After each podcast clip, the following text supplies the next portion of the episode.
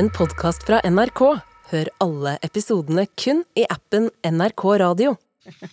Vi har fått inn Fredagspanelet, som alltid kjærkomment eh, på den siste arbeidsdagen denne uka. Og la oss begynne med en debutant i Fredagspanelet, men en garvet eh, tegneserieskaper. Linn Eilsen, student og illustratør og tegner. God morgen. God morgen. Du driver kontoen Linsikt, bl.a. på Instagram og flere andre plattformer. Hva er det du liker å ta for deg i stripene dine? Jeg liker å ta for meg hvordan det er å være ung i dag. For jeg tenker på tegneseriestriper som tidskapsler. Tidskapsler. Yeah. Katrine Sandnes, forlegger i JM Stenersens forlag, god morgen. God morgen. Bjørgulf Vinje Borgundvåg, styreleder i Norsk Musikkråd og garvet i kulturlivet. Hei. God morgen. Første spørsmål. Her er opptakten. Det er selvfølgelig dumt at en justisminister med ansvar for IT-sikkerhet og eh, sikkerhetsloven har installert TikTok på det. Men alle kan gjøre feil. Men den feilen hun har gjort i tillegg, det er å forsøke å føre Stortinget bak lyset. Ja, dette var eh, Høyre-leder Erna Solberg eh, om justisminister Emil Enger Mehl, som har, altså har brukt TikTok på jobbtelefonen, og det skjedde i en måneds tid.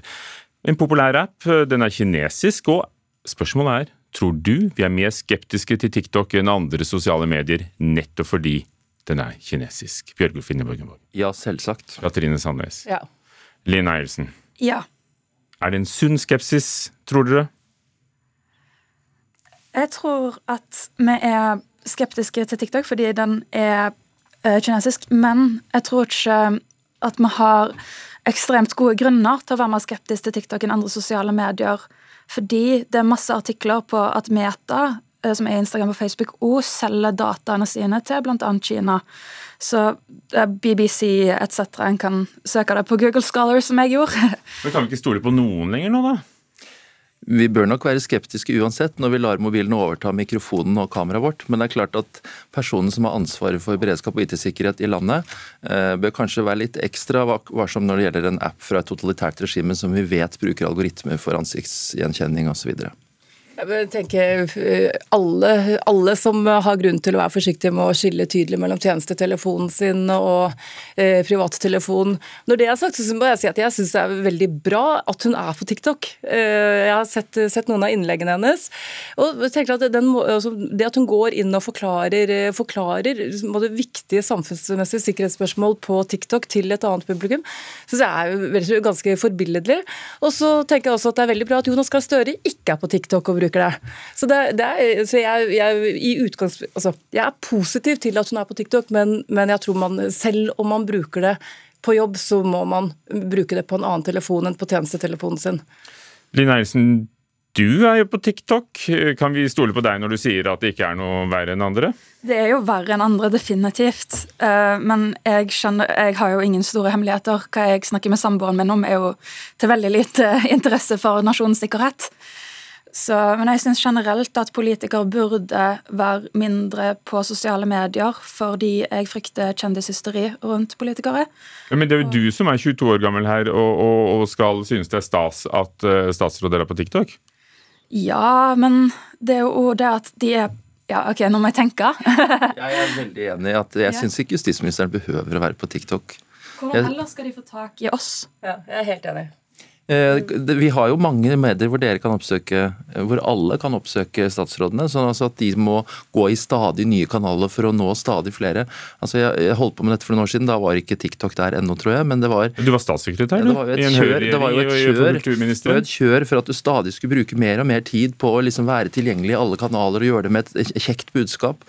Og, og det er, det er ikke, jeg mener det ikke er den viktigste delen av jobben, fordi vi har på en måte offisielle kanaler og, og vi har medier, og vi trenger ikke alltid utvikle oss til den nyeste appen. Ja, men da, men da, havner du jo der hvor, der hvor, jeg ser at veldig mange eh, av de som er yngre enn deg også, eh, er i dag. De forholder seg mye mer til amerikansk politikk enn til norsk politikk, fordi de følger dem på, på Instagram og TikTok i stedet for å lese aviser og følge offisielle kanaler og tradisjonelle medier. Hvem må skjerpe seg? Er det ungdommen eller er det statsrådene? Begge, kanskje. Når var sist gang du så en 17-åring med en papiravis? Det har jeg aldri sett i mitt liv. Nei, men de, de, de, er vel fordypet i nrk.no eller Dagens Næringslivs eller Morgenbladets nettsider? da? Nå går vi inn i den store skjermdebatten som er voksne, og den tar jeg gjerne. uh, skal vi si det sånn. Blir dette brukt politisk nå? Handler det om sikkerhetsrisiko, eller handler det om politikk? Begge deler. Ja, begge deler.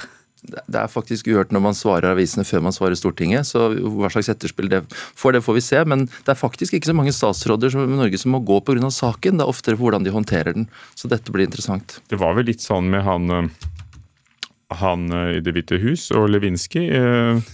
Var det ikke det? Ja. Uansett. Skiløper Astrid Urenholt Jacobsen representerer norske utøvere i den, i den internasjonale OL-komiteen, IOC, og hun får nå gjennomgå i media etter at hun sa at utøvere ikke kan diskrimineres pga. passet, og at hun da støtter IOC, som mener at russere må få delta i OL på noen betingelser. Her er en reaksjon fra langrennsløper Pål Golberg. Det er greit at IOC ønsker at alle skal delta i idrett, men uh, da må det være lov å si fra når uh, situasjonen er som den er. Går det an å skille utøvere fra landet deres, Line Eielsen? Nei, ikke etisk. Katrine Sandnes? Ja. Bjørgulf Inneborg Gunnvåg? Nei. Så har hun virkelig trampet i salaten her? Hun har jo to hatter. Hun er både i IOCs utøverkomité og snakker for de norske, så det har jo vært debatt om hvilken hatt hadde hun egentlig da hun sa dette. Men det handler også om det at øh, hun har vel så vidt jeg skjønner uttalt det å utestenge utøvere som en kollektiv straff. Men det er vel ment som det motsatte. At det, skal, det å utestenge noen skal verne om idrettens integritet, for at ikke den skal la seg misbruke av, uh, av regimer. Og nå er OL egentlig en individuell konkurranse, men uoffisielt så teller vi jo medaljer så det holder, for land og nasjoner. Nei, uh, her er det jo mange, mange ting. Én ting er Unholds ulike, uh, ulike hatter og rekkefølge ting blir sagt i osv. Men, men på selve spørsmålet går det an å skille utøver og nasjon, så er det eksempler hvor, jeg, hvor man tenker at det bør være mulig. Og så finnes det eksempler hvor som jeg mener f.eks. Russlands eh, deltakelse i OL er et eksempel på, og jeg mener at man skal utestenges nasjonalt. Eh, men hvis du går tilbake, bitte litt tilbake i tid, hvor, del, eh, hvor russerne ble utestengt pga. doping, og hvor man utestengte ikke bare de, som, de man hadde grunn til å mistenke, mistenke at ble, ble dopet seg, ble utestengt, men også eksempelvis en, ut, en løper som Ustiogov, som man ikke hadde noen ting på, men for, for, han ble utestengt fordi han var russer og god. Mens de eh, russerne som ikke var gode, de fikk lov til å gå under nøytrale farger. Så der skilte man jo. Eh, der gjorde man jo Det er jo nettopp et eksempel på at man skiller eh, mellom individ og, statsborgerskap. Og så har du Sør-Afrika, hvor, hvor, hvor, hvor, man hadde løpere som, som, da plutselig fikk engelsk statsborgerskap, hvor det var enormt mye bråk, bråk rundt det. Så vi har jo hatt eksempler på dette, og så er det helt innlysende at, at IOC er en eh, i høyeste grad en, både en økonomisk og politisk maktfaktor som prøver, som prøver å bruke dette, eh, dette tilsynelatende upolitiske som, eh, som, et middel til å, til å, innta en helt egen posisjon i, i verdenssamfunnet. Er, det, er det sport eller politikk? Sport er politikk. Og jeg er så lei, jeg er drittlei av at folk skal si at sport ikke er politikk, eller å skyve det under at det ikke handler om noe politisk. Fordi sport er representasjon på samme måte som kultur. og eh, vi ser jo bare i Norge at hvor mye vi bruker skiløperne våre til å representere oss som land og nasjon etc. At jeg tenker jo at en må sanksjonere land og nasjoner på steder det treffer.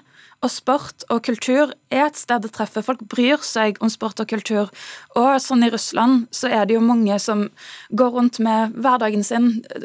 Putin-regimet har jo ikke full støtte, men det er jo mye informasjonsflyt som ikke stemmer. Det er mye feil informasjon.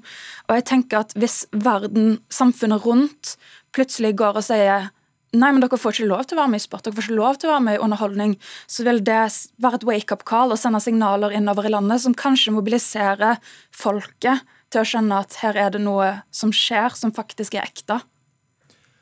Men jeg, tenker, altså jeg er veldig enig i veldig mye av det du sier, men jeg tenker kanskje vi må skille litt mellom OL og de store idrettskonkurransene og kunst. fordi i dette, disse idrettskonkurransene er på en måte det med nasjonen og landet så present.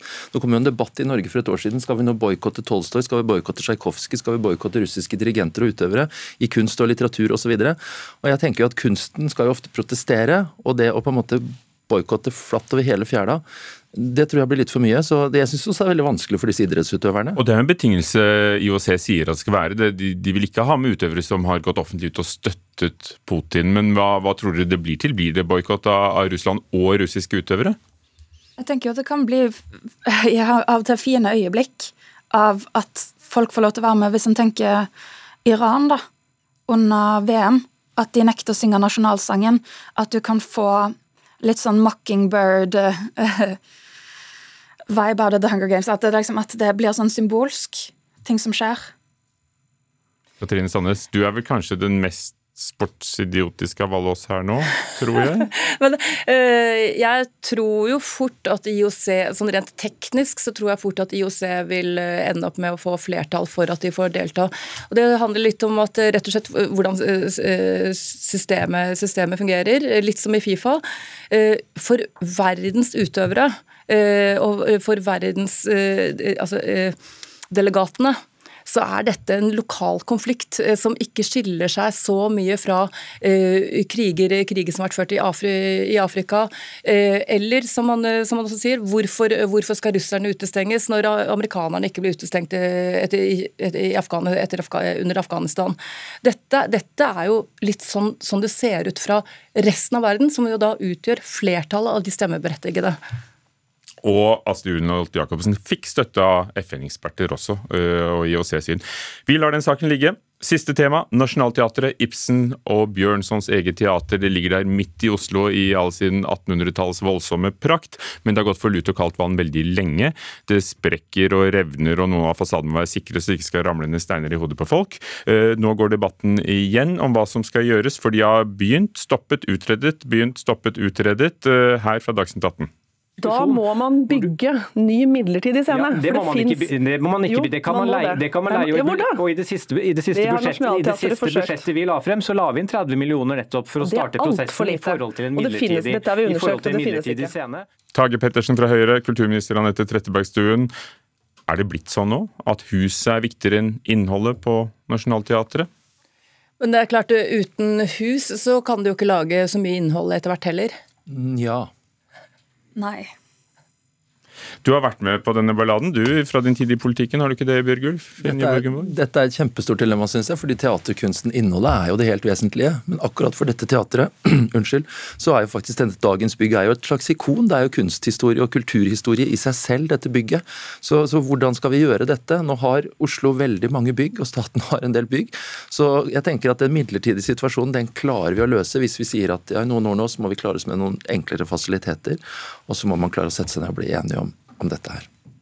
Dere var jo enige på Altså, ja, altså? Jeg, jeg syns den debatten vi akkurat hørte et utklipp av, blir litt grann uverdig. Fordi eh, disse kulturministrene har blitt kritisert nå i 10-11 år for dette her. Og forrige regjering besluttet faktisk 2 milliarder, eh, og, og, besluttet å bruke 2 milliarder på oppussing. Og så begynner man, og så åpner du veggen i et gammelt hus, og så går det sånn som det går. Det var visst litt større regning. Flytte fra alt, da, sånn som Nasjonalgalleriet? Ja, nei, altså, Da jeg var kulturjournalist på 90-tallet så skrev jeg saker om at Nationaltheatret trengte oppussing. Og hvis man hadde begynt da så, Den altså, jeg også. Ja, altså det er, det, er, det er til å bli gal av. Eh, at man ikke ikke tar reparasjonene fortløpende og, og, underveis til man liksom kommer i en situasjon hvor regninga er så høy at man, at man uh, lurer på om man har råd til å, til å om, om, det ikke er billigere å rive, liksom. Det er jo skittpåtak. Ja. ja. Det, det er jo andre land som jeg tror det er Nederland, så har de vedlikeholdsfond, ja. hvor du liksom plikter å sette av penger jevnlig for å vedlikeholde bygg. Og det offentlige er ikke en veldig god byggeier.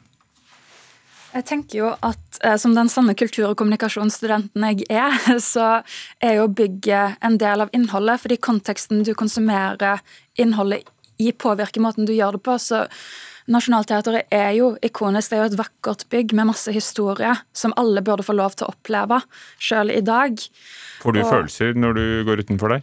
Ja, vanligvis er det travelt fordi jeg skal rekke banen. Men at er, jeg syns det er viktig å ha den har det bygget. Men jeg tror òg at Anette Trettebergstuen har et enormt godt poeng i at vi må lage en moderne scene i tillegg.